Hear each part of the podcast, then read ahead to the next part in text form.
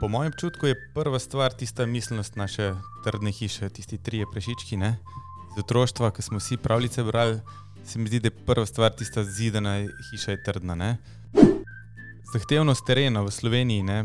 torej ta raznolikost na drugi strani že marsikaj pogojuje, sploh zidano hišo.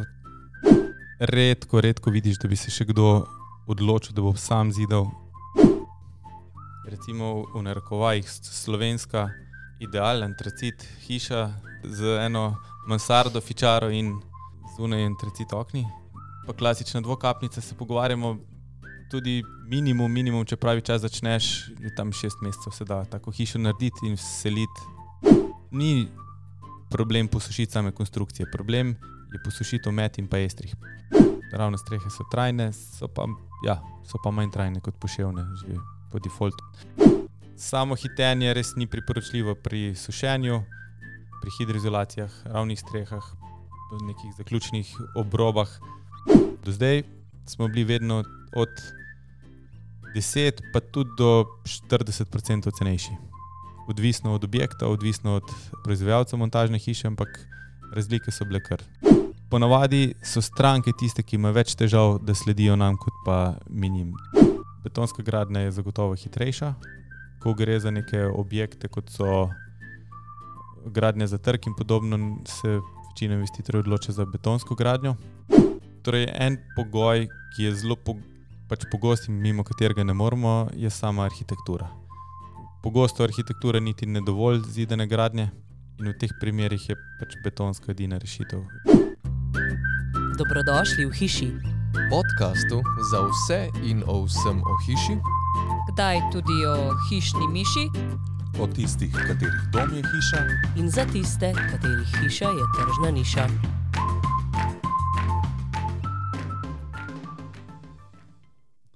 drage poslušalke in poslušalci, pozdravljeni in dobrodošli v osmi epizodi podcasta Hiša. Z vami sva danes Barbara in Boris, v goste pa je tokrat prišel predstavnik klasične gradnje in sicer Marko Bernik iz podjetja Asinvest. Marko, dobrodošel v hiši. Lep pozdrav, hvala. A je to tvoj prvi podcast? Podcast, da, Ne pa prvi intervju. ne pa prvi intervju. Je pa to tudi prvič nekaj za nas in sicer prvič smo v gosteh tudi mi sami, ekipa podcasta Hiša, saj to epizodo snemamo na terenu in sicer kar pri Marku doma. Torej se počutimo tudi mi dobrodošli v tvoji hiši. Marko, hvala, da nas gostiš. Hvala, tašči, hvala, tašči. Marko Bernik je univerzitetni diplomirani inženir gradbeništva, ki je zelo hitro po končani univerzi stopil v svet podjetništva s svojim podjetjem As Invest, sedežem v Novem mestu. Svojo ekipo pripeljejo številne zidane in betonske objekte, od ideje do izvedbe povsem na ključ ali na delni ključ, s celovitim vodenjem projektov ter gradbenim nadzorom pa poskrbijo za kvalitetno izvedbo trajnostne gradnje. Marko pa poleg tega, da je njegov vsak dan v bistvu gradbeniška igralnica, polna izzivov, tudi drugače skrbi za ohranjanje otroka v sebi. Je mož in oče treh otrok in tudi drugače vpet v lokalno okolje in predvsem skrbi za športno udejstvovanje otrok in odraslih na mountain bike kolesih znotraj kolesarskega društva Zverinice. Iz popoldanskih aktivnosti in druženja pa so prišli tudi na organizacijo velikega dogodka, letos že, čeprav vem, četrtič zapored, ki se je končal pred slabimi 14 dnevi in sicer z mednarodno gorsko kolesarsko dirko Enduro Gorjanci 2022. Marko, nam lahko poveš, za kakšno dirko gre? Enduro je kot disciplina, rečemo, za tiste, ki ne poznajo med downhillom, ki ga spremljaš veliko na, televiziji, in pa med uh, cross countryjem, XC-jem po domače ali pa strokovno.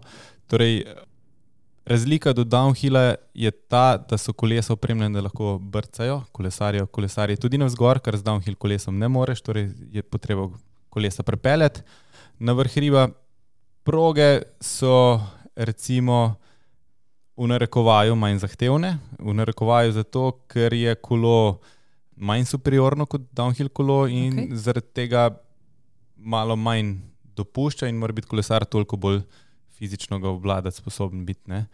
Tako da bi Ampak rekel, še bi zme- rekel, da je to disciplina, ki je pobrala najtežje od obeh, torej od cross-countryja oziroma XC-ja vzdržljivost in pa od downhilla spretnost pri spuščanju navzdol. Se pravi, do vrha pridejo tekmovalci sami, sami ali ne? Sami, sami okay, morajo prikolesariti na vrh in to ne enkrat najboljši naredijo na dan na dirkah. Pri nas, na teh dirkah, ko se pogovarjamo, ki se je omenila, je 1500 metrov višincev spona. Uh Mhm. -huh. V EVS, v svetovnem pokalu, jih delajo pa tudi čez 2000 na dan. Konkretne številke. Torej.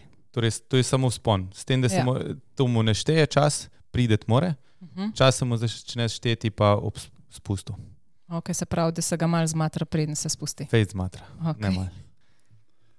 Pač damo kar začeti z našo današnjo glavno temo. Se pravi, Marko je predstavnik klasične gradnje, pa me zanima, zakaj se stranke odločajo za klasično gradnjo, oziroma kaj jih v to najbolj prepriča. Po mojem občutku je prva stvar tista miselnost naše trdne hiše, tisti trije prešički. Ne? Iz otroštva, ko smo vsi pravljice brali, se mi zdi, da je prva stvar tista zidana hiša je trdna. Ne? Tako da imamo nekako slovenci to, po mojem, v glavi, to tradicijo zidanja. Na drugi strani, seveda, zgodovina in, kot sem rekel, že tradicija, ki nas je čez leta, čez ta proces pelala in vidimo vse hiše okrog take in so potem tudi naša bo zidana. Ne? Hkrati je pa z leti ta zidana gradnja postala enakovredno hitra, mogoče montažni gradnji, ni tukaj nekih razlik več in iz tega vidika se tudi stranke veliko bolj odločajo. Če je to že enako, pa seveda pa raje zidano vzamem kot pa tako. Na drugi strani vidim, so tudi sami, verjetno v firmi opažate, so stranke čez dalje bolj ozaveščene, ve, včasih vejo že malo več kot ti sam, ne? Ja. tudi v tebi, čeprav nimaš socialnih omrežja, pa te dobro poznajo. Tako da pridejo tudi z nekim znanjem v hiši do tebe, že prepričani. Tako da sama zahtevnost terena v Sloveniji, ne, torej ta raznolikost na drugi strani že marsikje pogojuje, sploh zidano hišo, montažno niti ni mogoče, sploh kakih kletnih, polkopanih v hribih in tako naprej.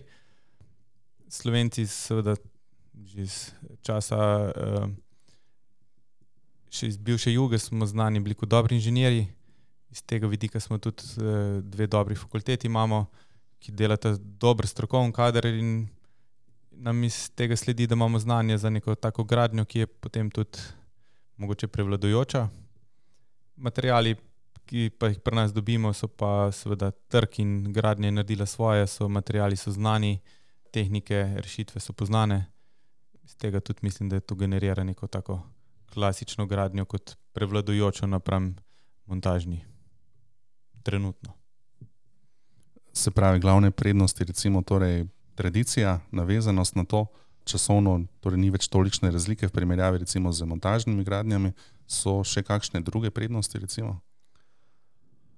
Eno je ta akumulacija, pri montažni gradnji se sigurno težko dobijo toliko mase, da bi lahko bila hiša toliko časa ohranjala hlad ali toploto.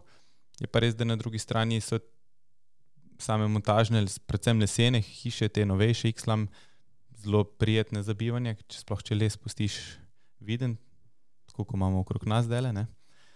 Torej, eno smo rekli, da je akumulacija, eno je bila ta hitrost, ki smo jo rekli, zvočna izolativnost zagotovo, ki je boljša sploh v betonski gradnji, ne? Požarna varnost tudi, seveda je prednost. Pravim, montažni hiši, če izbiramo prave materijale, prave tehnične rešitve in prave, prave sestave, je lahko ta gradnja tudi trajnostna.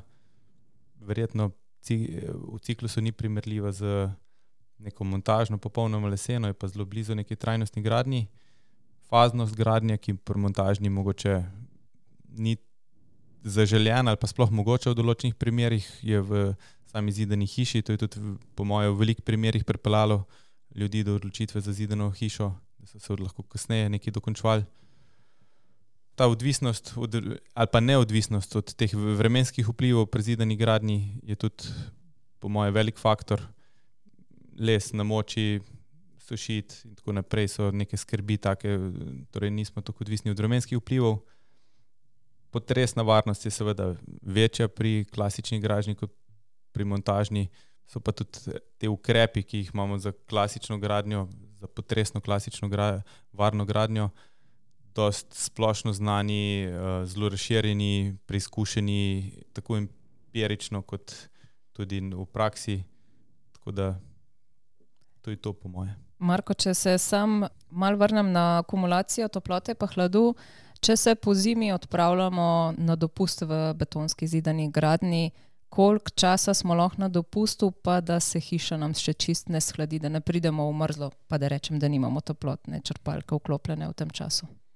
Ja, v prvi meri je tudi odvisno od zunanje temperature, ne? kakšna ja. bo po zimi. Zdaj, v zadnjih zimah lahko si dolgo. uh, če pa smatramo zimo, da bi bila resna zima z ja. nekimi minusi, eh, ne samo jutranji, tudi čez dan, kdaj, pa da je betonska gradnja izolirana pod minimum današnjega standarda, torej govorimo o nekih toplotnih uvojih, ki so kvalitetno narejeni, o troslojnih zasteklitvah, ki so s primerljivimi eh, karakteristikami, to, kar v današnjem času uporabljamo.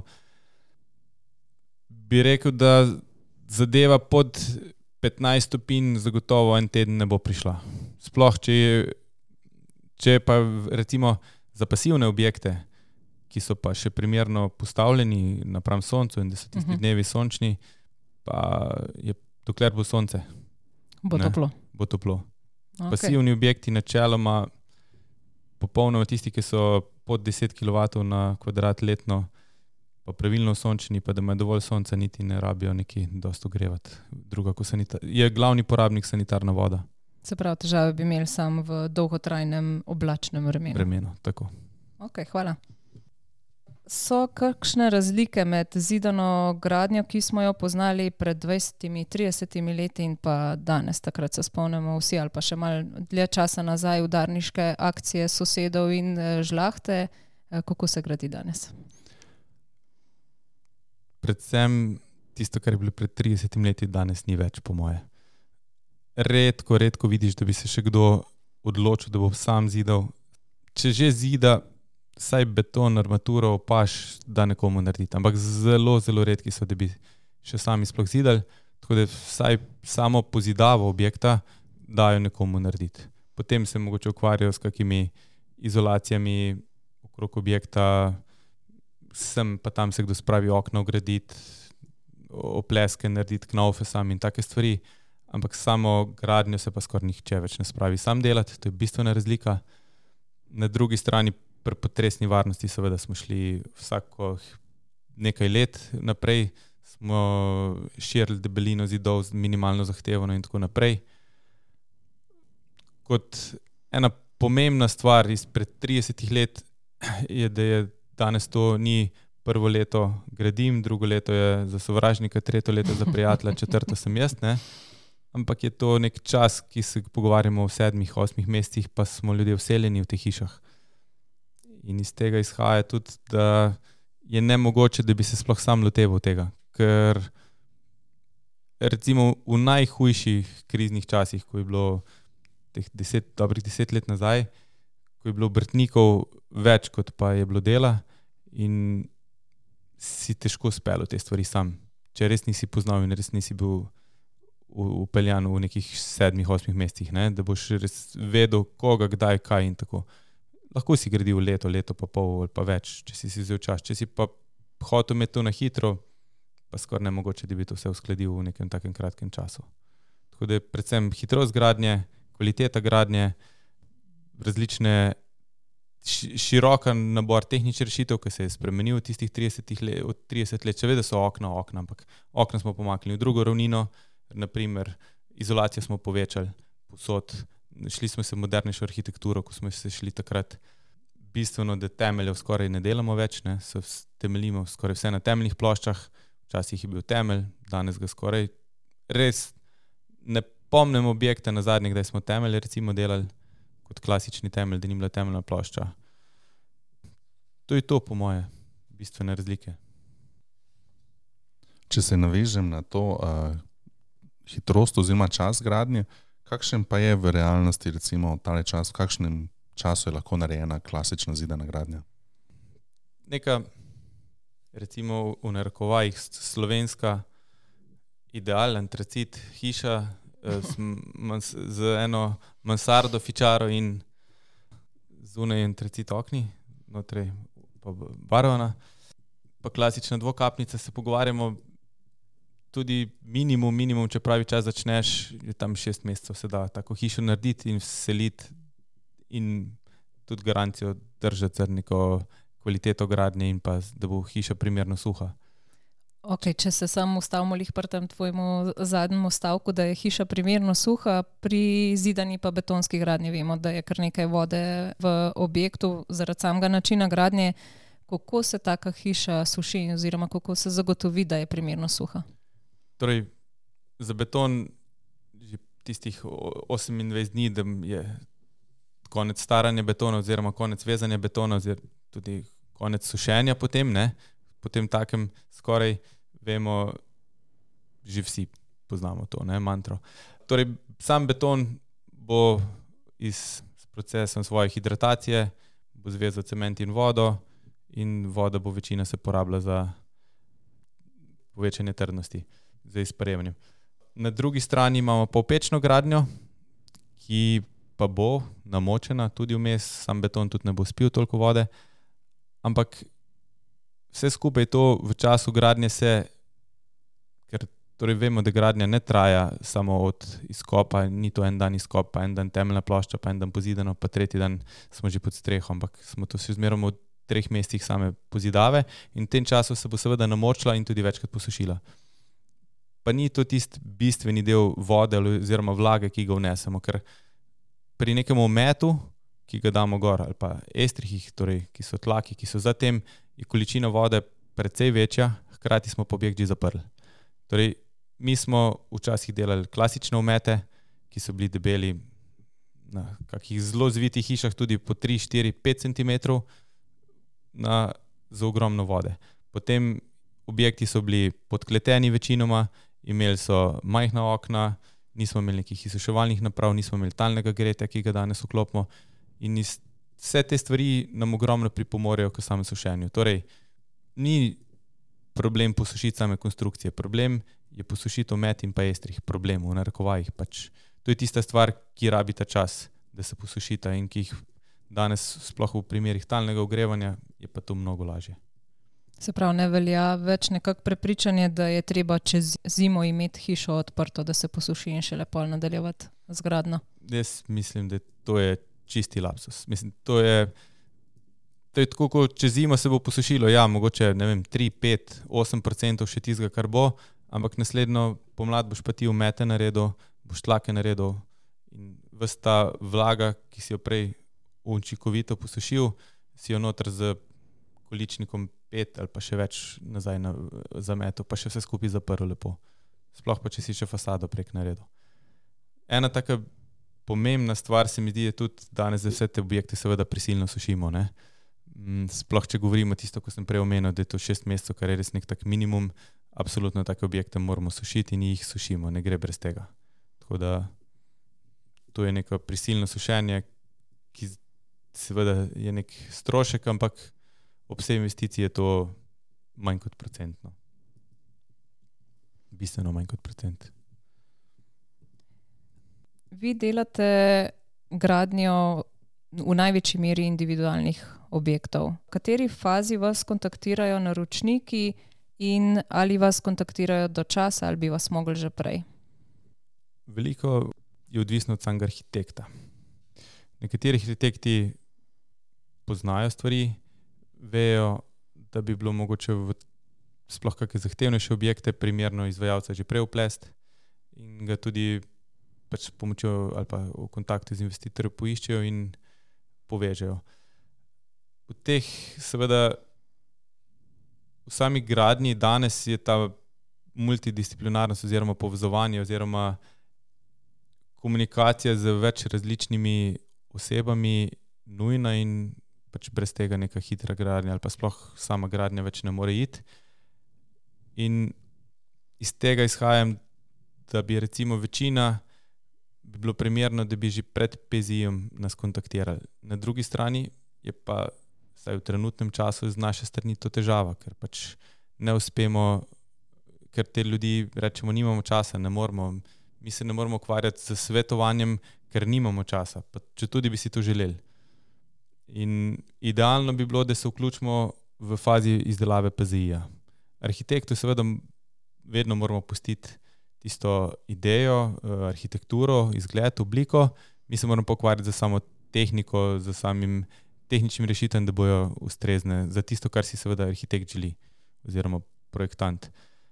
In prav bi bilo, ja, da bi se večkrat, ampak na drugi strani v zadnjem času, ko je res preveč dela, se nimaš čas posvetiti temu, tako bi se mogel. Okay, a pa so kakšne m, zelo skupne točke oziroma pogoste zmote ali pa predstave pri naročnikih, ki pridajo do vas in si zaželijo zidane betonske gradnje? Kaj je tisto, kar imajo morbiti napačno predstavo? Kot že prej rekel, imaš stranke, ki nimajo napačne predstave, ki imaš ti napačno predstavo, ne? ker vejo več. Imaš pa stranke, ki se pa popolnoma prepuščajo, ki pa se ukvarjajo s popolnoma neko X stvarjo v svojem biznisu, ti popolnoma zaupa, ti sledi tisto, kar rečeš, narediš in za vsako stvar, ki jim razlagaš, si že malo suhoparen, oziroma jaz to ne vem, to ti veš, to moraš ti vedeti. Tako da mislim, da večina je še zmeraj ta. Letos bomo pozidali, drugo leto bomo čez zimo bo hiša stala odprta, drugo leto bomo pa naprej šli.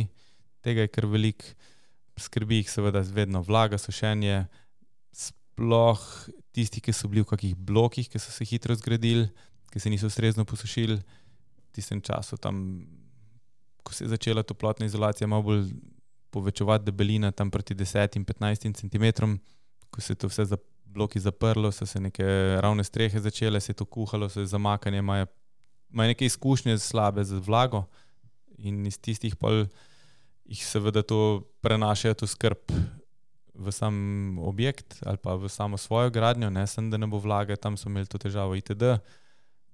Stalnica oziroma ja, vedno je tisti, ki ima ravno streho, če res ni prepričan, da hoče imeti ravno streho ali pa samo en od para, recimo, da par gradi, prepričan za, rav, za ravno streho, pol drug prav, ne, da so ravne strehe tiste, ki puščajo, pa tiste, ki še bojo, da je to edina razlika med njimi. Ne. Pa to ne drži. To ne drži. Okay. To absolutno drži. Ravne strehe so trajne, so pa, ja, so pa manj trajne kot poševne. Že po defaultu ne morejo nekih 30, 40 ali pa tudi 50 let, ki so oni stare opeke zdržale. Pač še, tok še ne. Po 30 let plus pa tudi držijo. 35. Recimo, da zelo veliki, zelo veliki večini je skupna ta uh, težava ali pa uh, mantra za hitrostjo gradnje, kjer jih na eni strani seveda vleče ta hi, hitra hitrost, je to privlačno, bi si želeli hitro biti, not, na drugi strani pa stalno poudarjajo, da bo, sem da je še čas, sem da bo orang, sem da da bo vse ok, to je bistveno itd. Ta hitrost gradnje. Kako hitro pa si lahko v fazi sledijo ena za drugo, ki lahko pridobimo nekaj časa, kjer, kje pa se ne priporoča hiteti. Torej, seveda ne priporoča se hiteti pri sušenju, pri pripravi končnih tlakov za parkete, za keramiko, pa končnih ometov za opleske, torej tukaj sploh ne. Seveda, hiteti, uh, hiteti ne smeš, to je tako zelo širok pojem. Lahko, torej, če nek posameznik bo hitel pri ravni strehi, zato ker je bil slab dan, imel šef, on, kdorkoli in bo to se hitro premikalo in bo nekaj slabo naredil, je tudi to hitenje napačno. Na drugi strani je pa lahko spreten, pa hiter. Ne? Tako da samo hitenje res ni priporočljivo pri sušenju, predvsem na drugi strani pri teh detajlih, ki se morajo pri hidroizolacijah, ravnih strehah, v nekih zaključnih obrobah. Je pa ta hit, mislim, hi- hiter bit je, tako kot sem že rekel, to je ima dva, po, dva pojma. Nekdo je hiter zato, ker je spreten, ker je, ker je rojen za ta poklic, ker, je, ker ga obvlada. Ne? Je lahko keramičar, ki bo delal eno stvar en teden, pa na drugi strani keramičar, ki bo isto stvar v treh dneh naredil, pa verjetno, oziroma veliko krat tudi bolje unko v enem tednu. Če je spreten, če je navaden tega posla, če se to počne vsakodnevno in z svojo entuzijazmom, bo lahko to naredil hitreje, pa bolje. Tako da, predvsem ne hiteti, kot sem že rekel, pri sušenju, ampak spet sušiti z glavo in pametjo. Verjetno ima pa pri tej hitrosti tudi eh, kar velik pomen kvalitetna priprava samih uh, projektov in pa da so ideje pa želje investitorja, da so povsem jasne. Hvala, ker si omenila PZI. Ja, PZI je zelo tako od do. Imamo sicer neke minimalne smernice, kaj naj bi PZI vseboval, koliko pa kdo naredi, je pa predvsem stvar posameznika oziroma arhitekta, koliko ima časa, kakšen je in tako naprej. Tako da, uh, za teme PZI in kompletno dorečenost vsega je zelo tako, tako. Eni imajo tisto, kar je potrebno, nekateri imajo pa polovico premalo. Je pa skozi neka debata z projektantom. Tako da ni nujno, da ko boš dobil PZI v roke, pa boš rekel, ja, potem bom pa zdaj to naredil. Ne? Potem je, če si izkušen, na drugi strani boš neko osnovno stvar lahko hitro spelo in bo znal speljati. Če bo pa objekt zahteven, smo pa tam, kjer rabimo kvalitetnega projektanta, ki bo vedel, se, uh, kako se stvari streže, nekega koordinatorja, ki bo to, in pa seveda izvajalce, ki so dorasli svoji nalogi in zahtevnosti tiste naloge. Prej smo malo primerjali klasično in montažno gradnjo, predvsem kar se hitrosti tiče, zdaj pa me zanima tudi finančno, recimo, ali je to primerljivo in ali lahko postopne gradnje omogoča tudi postopno financiranje? Po finančni plati je, mi smo veliko krat v podjetju dobili, recimo od kakšnega montažnega izvajalca, eh, predračun in pri njih je stvar komplet ena. To stane toliko, toliko in tisoč evrov, in zato dobite neko opis na treh, petih, desetih straneh, koliko je odvisno, je obsežna zadeva, in iz tistega pa tloris. Ne? In potem smo pogosto, seveda, če bomo rekli, da malo uh, v skledo plunimo, smo mi iz tistega malo večjo hišo naredili, ker seveda stena zidane hiše je malenkost večja, za nekih 5 do 10 cm, odvisno od debeline izolacije, od same klasične, eh, od, pardon, od montažne. In preračunali za to malo večjo hišo na rokovajih po naših cenah, kam pridemo. Do zdaj smo bili vedno od 10, pa tudi do 40% cenejši. Odvisno od objekta, odvisno od proizvajalca montažne hiše, ampak razlike so bile kar minimalno, kar je bilo, je bil tam 10%, pa tudi do 40% smo bili cenejši za samo klasično gradnjo, za enak objekt, govorim. Seveda je pa ponavadi pri tem pol montažni, tam seveda nismo upoštevali tega, nismo želeli tega imeti, nismo tega imeli, ker je bilo predrago. In veliko krat pa investitor še dodat stvari, pa pride na tisto ceno, ampak torej dobi več za isti denar, ki ga je prejmel. To je bilo, kar se tiče financ, druga stvar je bila pa, upravičujem. Če eh, postopna gradnja omogoča tudi postopno financiranje. Postopna gradnja, post mislim, seveda je postopna gradnja možna postopno financirati, vse pač lahko sledi to eno drugemu. Zdaj pa, eni, če, ima, če imaš denar na banki, pol to zdaj le ni dobro, ne? ker je vsak dan manj vreden. Če imaš kredit, si že ponovadi prisiljen, da ga v nekem roku porabiš, tako da moraš v to iti. Ampak vseeno, lahko bi to postopno počel. Ki pa draž tega nekaj novega, želim hitro, rad bi se preselil, stanovanje je majhno, otroci itd ponovadi niti ne, redko, redko ljudje razmišljajo o tej postopnosti. No. So nekateri še, ki letos bomo zgradili, drugo leto bomo malo zaključovali, tretje leto še malo, četrto bomo šli pa noter, ker imamo tako veliko stanovanj ali pa tako veliko hišo, kjer bivamo. Si delajo, ponovadi, sploh če si delajo drugo ali pa tretjo hišo, grejo to malo bolj počasi. Se pravi, večina pa želi čim prej v to novo hišo. Večina pa ja, v nekem normalnem roku čim prej. Tako danes ni več čim prej, no danes je čim prej začeti. To je problem, dan danes začeti, ker si zaseden za eno leto naprej.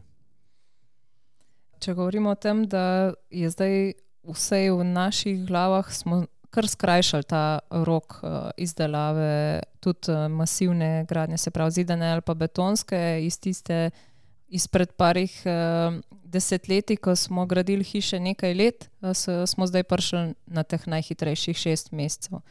Kaj to pomeni za vaše stranke? Se pravi, morajo tudi one že pred začetkom gradnje izbrati uh, stikala in kljuke in pipe. Teh šest mesecev, ki sem jih omenil, ne, to je bilo res um, ekstremno hitro. ekstremno hiter. Stranka mora točno vedeti, kaj si želi. V narekovajih, mislim, ni, ne sme biti zahtevna sama do sebe, ne, bi, ne sme biti zahtevna do arhitekture. Torej, tu gre za neko preprosto samogradnjo.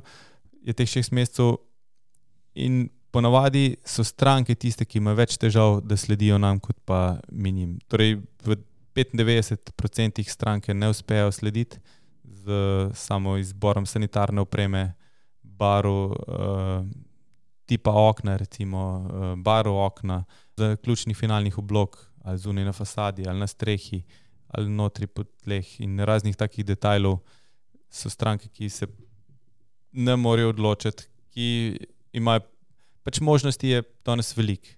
Hitro jih je preveč možnosti ne, za nekoga. In pa ne vem, jaz upam, da nam izpade šovinističen, ampak predvsem za ženski del je to velika težava.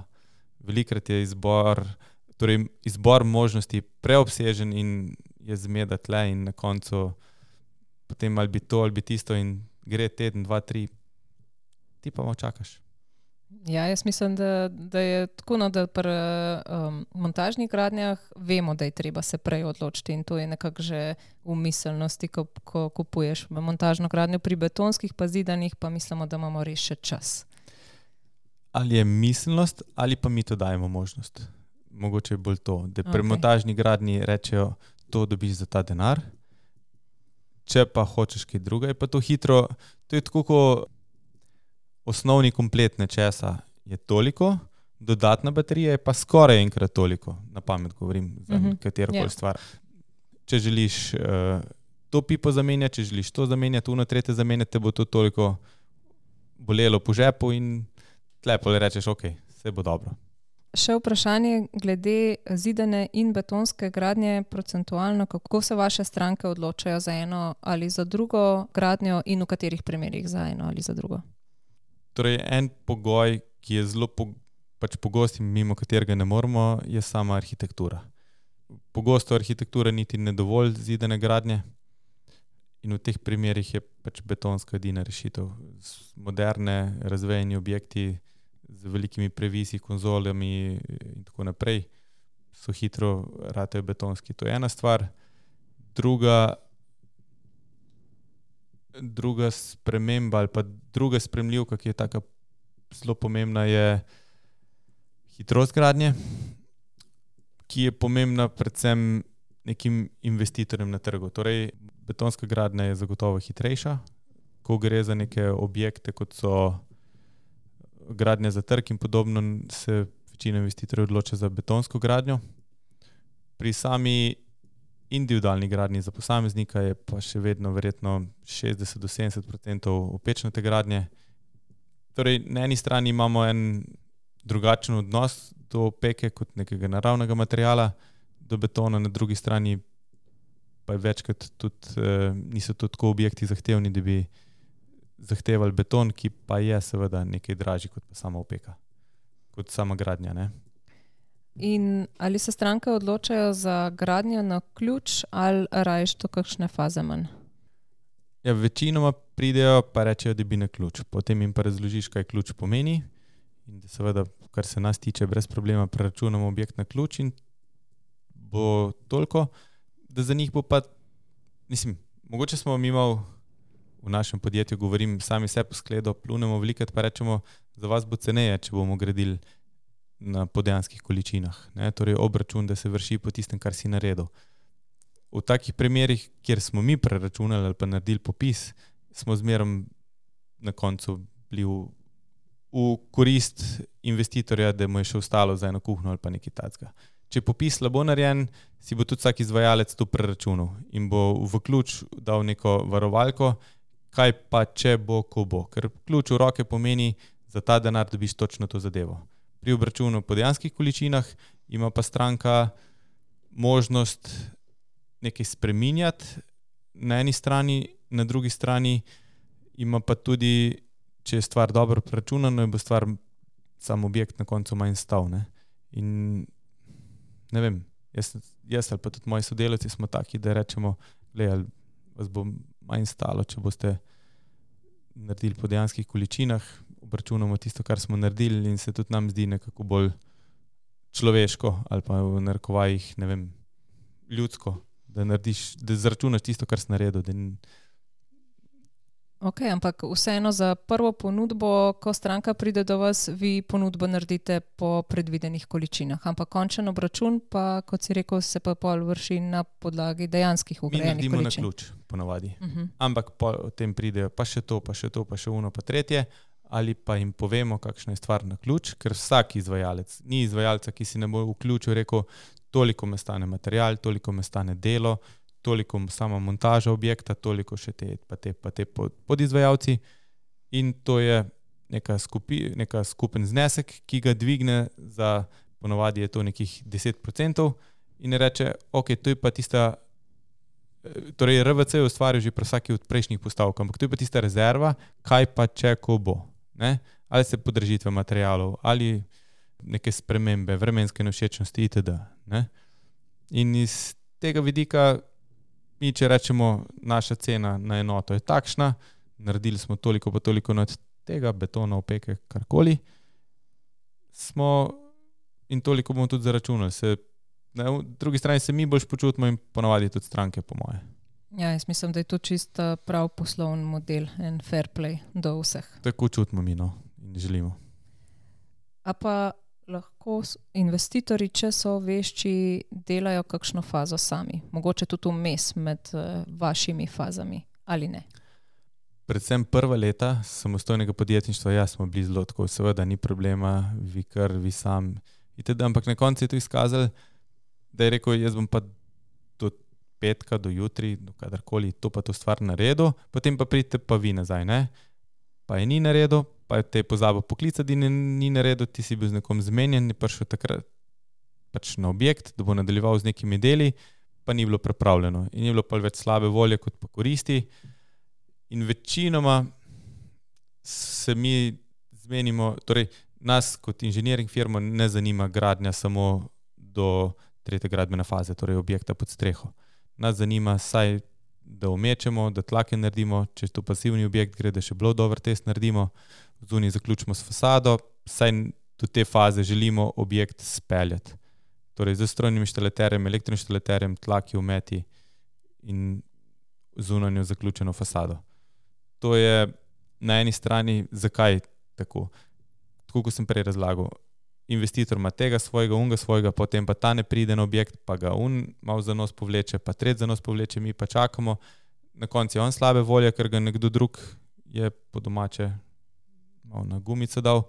Uh, mi pa tudi ne moremo, pa, pa še mi rečemo, gledaj, tri dni, pet dni smo tebe čakali, zdaj smo šli drugam, ampak dva dni imamo še do- do- dokončati ali pa tri dni. Ne, ne bomo zdaj tam prekinili, pa prišli tebi, pa je spet tri dni, pa tako pa se ponavlja, pa je pa hitro težava. Se pravi, če prav razumem, skoraj ne prakticirate več te V možnosti. zadnjem času res skoraj še ne. Ja, tako. Ja, še eno vprašanje in sicer veliko se pogovarjamo o trajnosti in tudi pri gradni uh, jo večkrat omenjamo, ali je zidana gradnja trajnostna, Lahko je. v katerem Trajnostna. primeru. Torej, prvo je izbira materijalov, ki smo jih izbrali. Že sama arhitektura, postavitev objekta itd., da bo objekt bil dolgoročen, da bo preživel eno, dve, tri generacije, torej da, ga, da ne delamo neke stvari sem zato, da jih počnemo ali pa da rešujemo današnji dan, pa današnjo stisko, ampak da dolgoročno razmišljamo, projektiramo in pa tudi izvajamo. Torej, samim projektiranjem, kasneje z materijali. Tako da, ja, Če se navežem sam na tvoj odgovor, uh, si rekel, da delamo objekte za več generacij. se še delajo zidani objekti v dveh, treh nadstropjih z predvidevanjem, da bodo otroci ostali doma pri starših ali ne? Mor- Ne, tega tega več. skoraj ni več. Mislim, ne spom, res se ne spomnim, da bi sploh kdaj to bilo. Bolj se popolnjujejo z kakšnim prenovom, ker nismo samo v novogradnjah, ampak tudi v adaptacijah, dograditvah in tako naprej. Bolje gre za to popolnjevanje. Ampak tudi tega ni toliko, koliko je pa objektov. Torej, uh, tistega, ko bojo otroci zrasli, bojo imeli pa zgornjo etažo, je bistveno manj kot pa je objektov, ki imajo zgornjo etažo pripravljeno za otroke, ko bojo zrasli. Čeprav zdaj otroci, ko zrastejo, so še kar dolgo doma, tako da bi bil to še kar aktualen. Ampak zgleda, da ne v zgornji etaži, ostanejo v isti etaži, v sobi. Okay, Marko, hvala za pogovor. Zdaj sledi par ključnih povdarkov.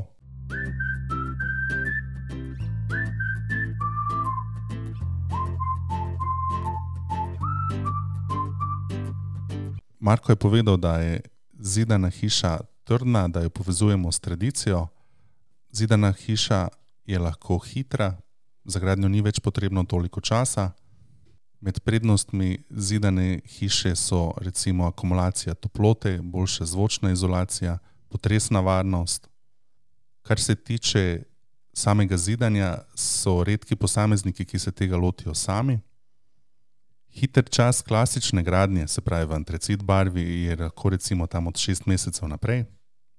Večje spremembe so pri sušenju, kjer ometi nestih definitivno rabite svoj čas, je pa to mnogo lažje s stalnim gretjem. Prisilno sušenje je danes nuja, je strošek, ni pa tako velik. Kar se tiče vključevanja izvajalcev v sam projekt, bi bilo potrebno to že pred izdelavo PZI-ja. Izvedeli smo, da je lahko tudi ravna streha čisto ok. Hitrost gradnje ni toliko povezana s hitenjem, ampak bolj s spretnostjo izvajalcev. Zidana gradnja pri enakih objektih, kot recimo pri montažnikih, je načeloma finančno bolj ugodna. Pogosto je večji izziv pri tempu gradnje pri naročnikih, kot pa pri izvajalcih. Arhitektura je tista, ki lahko prepreči zidano gradnjo in zahteva betonsko gradnjo. Betonska gradnja je hitrejša, kar je pomembno recimo pri gradnji za trg, pri individualni gradnji pa se večina odloča za zidano gradnjo. Zidana gradnja je lahko tudi trajnostna, pri tem pa je pomembna izbira materijalov in dolgoročno projektiranje. Evo, pa smo prijadrali do konca in zdaj imamo zadnje vprašanje, stalno vprašanje našemu gostu. Marko, sicer se ne, ne nahajamo povsem v tvojem domu, ampak vseeno, kaj je v tvojem domu tisti naj, najbolj prijeten, v katerem se najbolj počutiš, oziroma aj kaj tazga posebnega v tvojem domu, v tvoji hiši, ki bi rad izpostavil? Poleg tega, da je pasivna hiša, ni nekih posebnosti, pa na krasni lokaciji. Velikrat so se ženo pogovarjala, kaj bi spremenila, če bi še enkrat gradila, pa niso najdla stvari, ki bi spremenila. Tako da je kar blizu idealnega tistega, oziroma kar rabimo, kar si želimo. Najljubše je gotovo, zagotovo mi savna. No? Tako od, en od predmetov, ki so v hiši ali pa ki jih, eh, recimo, bi rekel, da bi ga pa posod sabo vzel, če bi ga lahko. Eno je savna, pa takoj zatem je pa po moje spalnica. Ko eni od epizod smo govorili, kaj je ideal slovenske hiše. Ideal slovenske hiše naj bi bi bila hiša na robu gozda z vrtom, ki je ograjen z ograjo. Jaz mislim, da tle, kjer se nahajamo, smo zelo blizu uh, temu idealu. Ja, gost pa ograja manjkata. Blizu smo. Blizu smo, blizu. Ja, eh, z malo sreče smo sploh prišli do te odločitve, da smo gradili, kjer smo. Po slučaju je stvar nastala, na drugi strani pa nam je z- leti stvar tako prirasla k srcu, da redko kje najdemo lokacijo, pa rečemo, ajde, tle bi pa bil. Kar pomeni, da ste naredili dom, ne samo hišo. Tako. Zdaj pa je čas za stalno rubriko Hišarija, kjer našega gosta postavimo v situacijo s specifičnim izzivom. Danes to ne bo petje, ne bo ugibanje, kateri ples se pleše na določeno glasbo, ampak je povezan eh, s kolesarstvom. Gorsko kolesarstvo smo že omenili prej v uvodu, se pravi, četrta prireditev je, ta, je bil ta enduro, ki ste organizirali. A mogoče veš, koliko tekmovalcev ste imeli? Prijavljenih je bilo 183, udeleženih 174. A, iz koliko držav? Petih. Okay. A veš, mogoče tudi za prejšnja leta, koliko ste imeli tekmovalcev? Lansko leto prijavljenih 106, ne, 102, 133, 126 udeležencev, prej pa mislim, da je tam okrog 45, to pa ne vem več za nazaj. Ampak tiste nad 100 sem si zapomnil. Okay. Ja, leta 2019, saj tako pravi vaša internetna stran, ste jih imeli 28 tekmovalcev Aha. iz uh, dveh držav, iz Slovenije in Italije. No, pa sem bil Kdaj je, bil preoptimističen. prvič, uh, kdaj je bila prvič organizirana prireditev? 2017, 2018, 2017. To v bistvu ne vem odgovora, ker nisem našla prve letnice, tako da predvidevam, da pred 2019, ampak ne vem pa 2017 ali 2018. 2018, 2018. 2018. Ja, 2018 tako. Okay. Takrat je borba na meji. Borba Eh, na meji. Borba na meji, dva pomena, ker dejansko je bila na meji, slovensko-hrvaški, kjer Gorjanci so. In pa disciplina je taka, da je na meji. Aha, ker borbo na meji in prispevek o tem sem videla, ampak nisem vedela, da je to ta prva tekma. To je okay. ta prva tekma. Dve sta bili, no, tako da ne vem, s katere je prispevek. Okay. Verjetno poznaš uh, slovensko planinsko pot, uh, ki rečemo tudi uh, slovenska transverzala, ampak verjetno pa tudi poznaš, da obstaja tudi slovenska turna kolesarska pot. Tako je. Koliko višinskih metrov meri in kako dolga je? Pojma ni. Pa daj, da vidimo. Ustreli. Viš, višinskih 20 tisoč. 50 tisoč. Dolžina? Razdalja, razdalja 110. 1800 km. O, madonna. Razdeljena je v 41 etap, zdaj seveda lahko se jih združi v, več, v manj večjih, ampak eh, ja, 1800 km in 50 tisoč višinskih metrov. Si odvozil že kakšno od njih? Ne, ne, samo del do Gorjancev pa nazaj.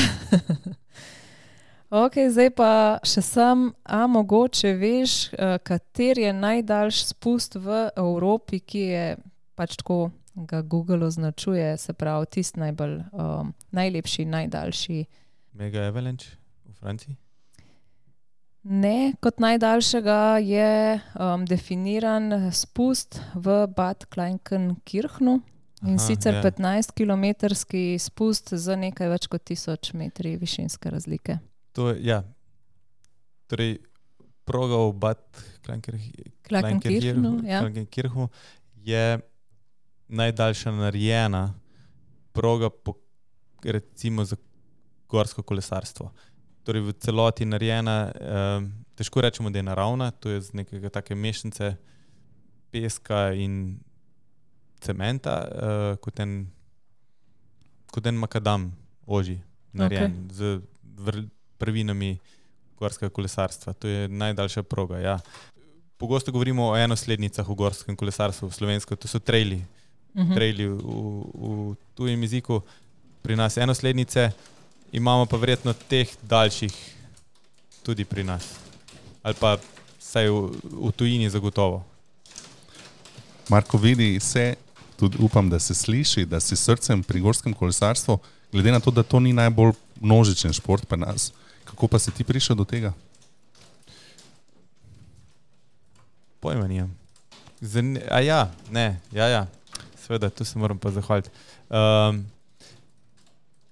gorsko kolesarstvo, verjetno, ali pa zagotovo me je navdušil eh, prijatelj Matej iz Ljubljane, ki je to prakticiral že precej let, ki je tudi v surfarijo, v windsurfing nas eh, upeljal. Tako da, ja, zahvala gre Mateju, da nas je navdušil nad gorskim kolesarstvom. Potem pa seveda, če ti to postane všeč, to počneš.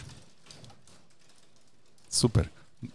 Sledi pa še zaključek in sicer hvala vsem, ki ste poslušali osmo epizodo podcasta Hiša, povsem do njenega konca.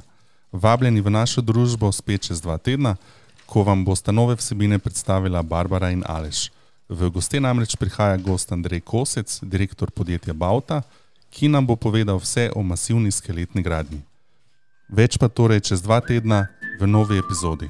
Do takrat pa vse dobro in srečno v vaši hiši.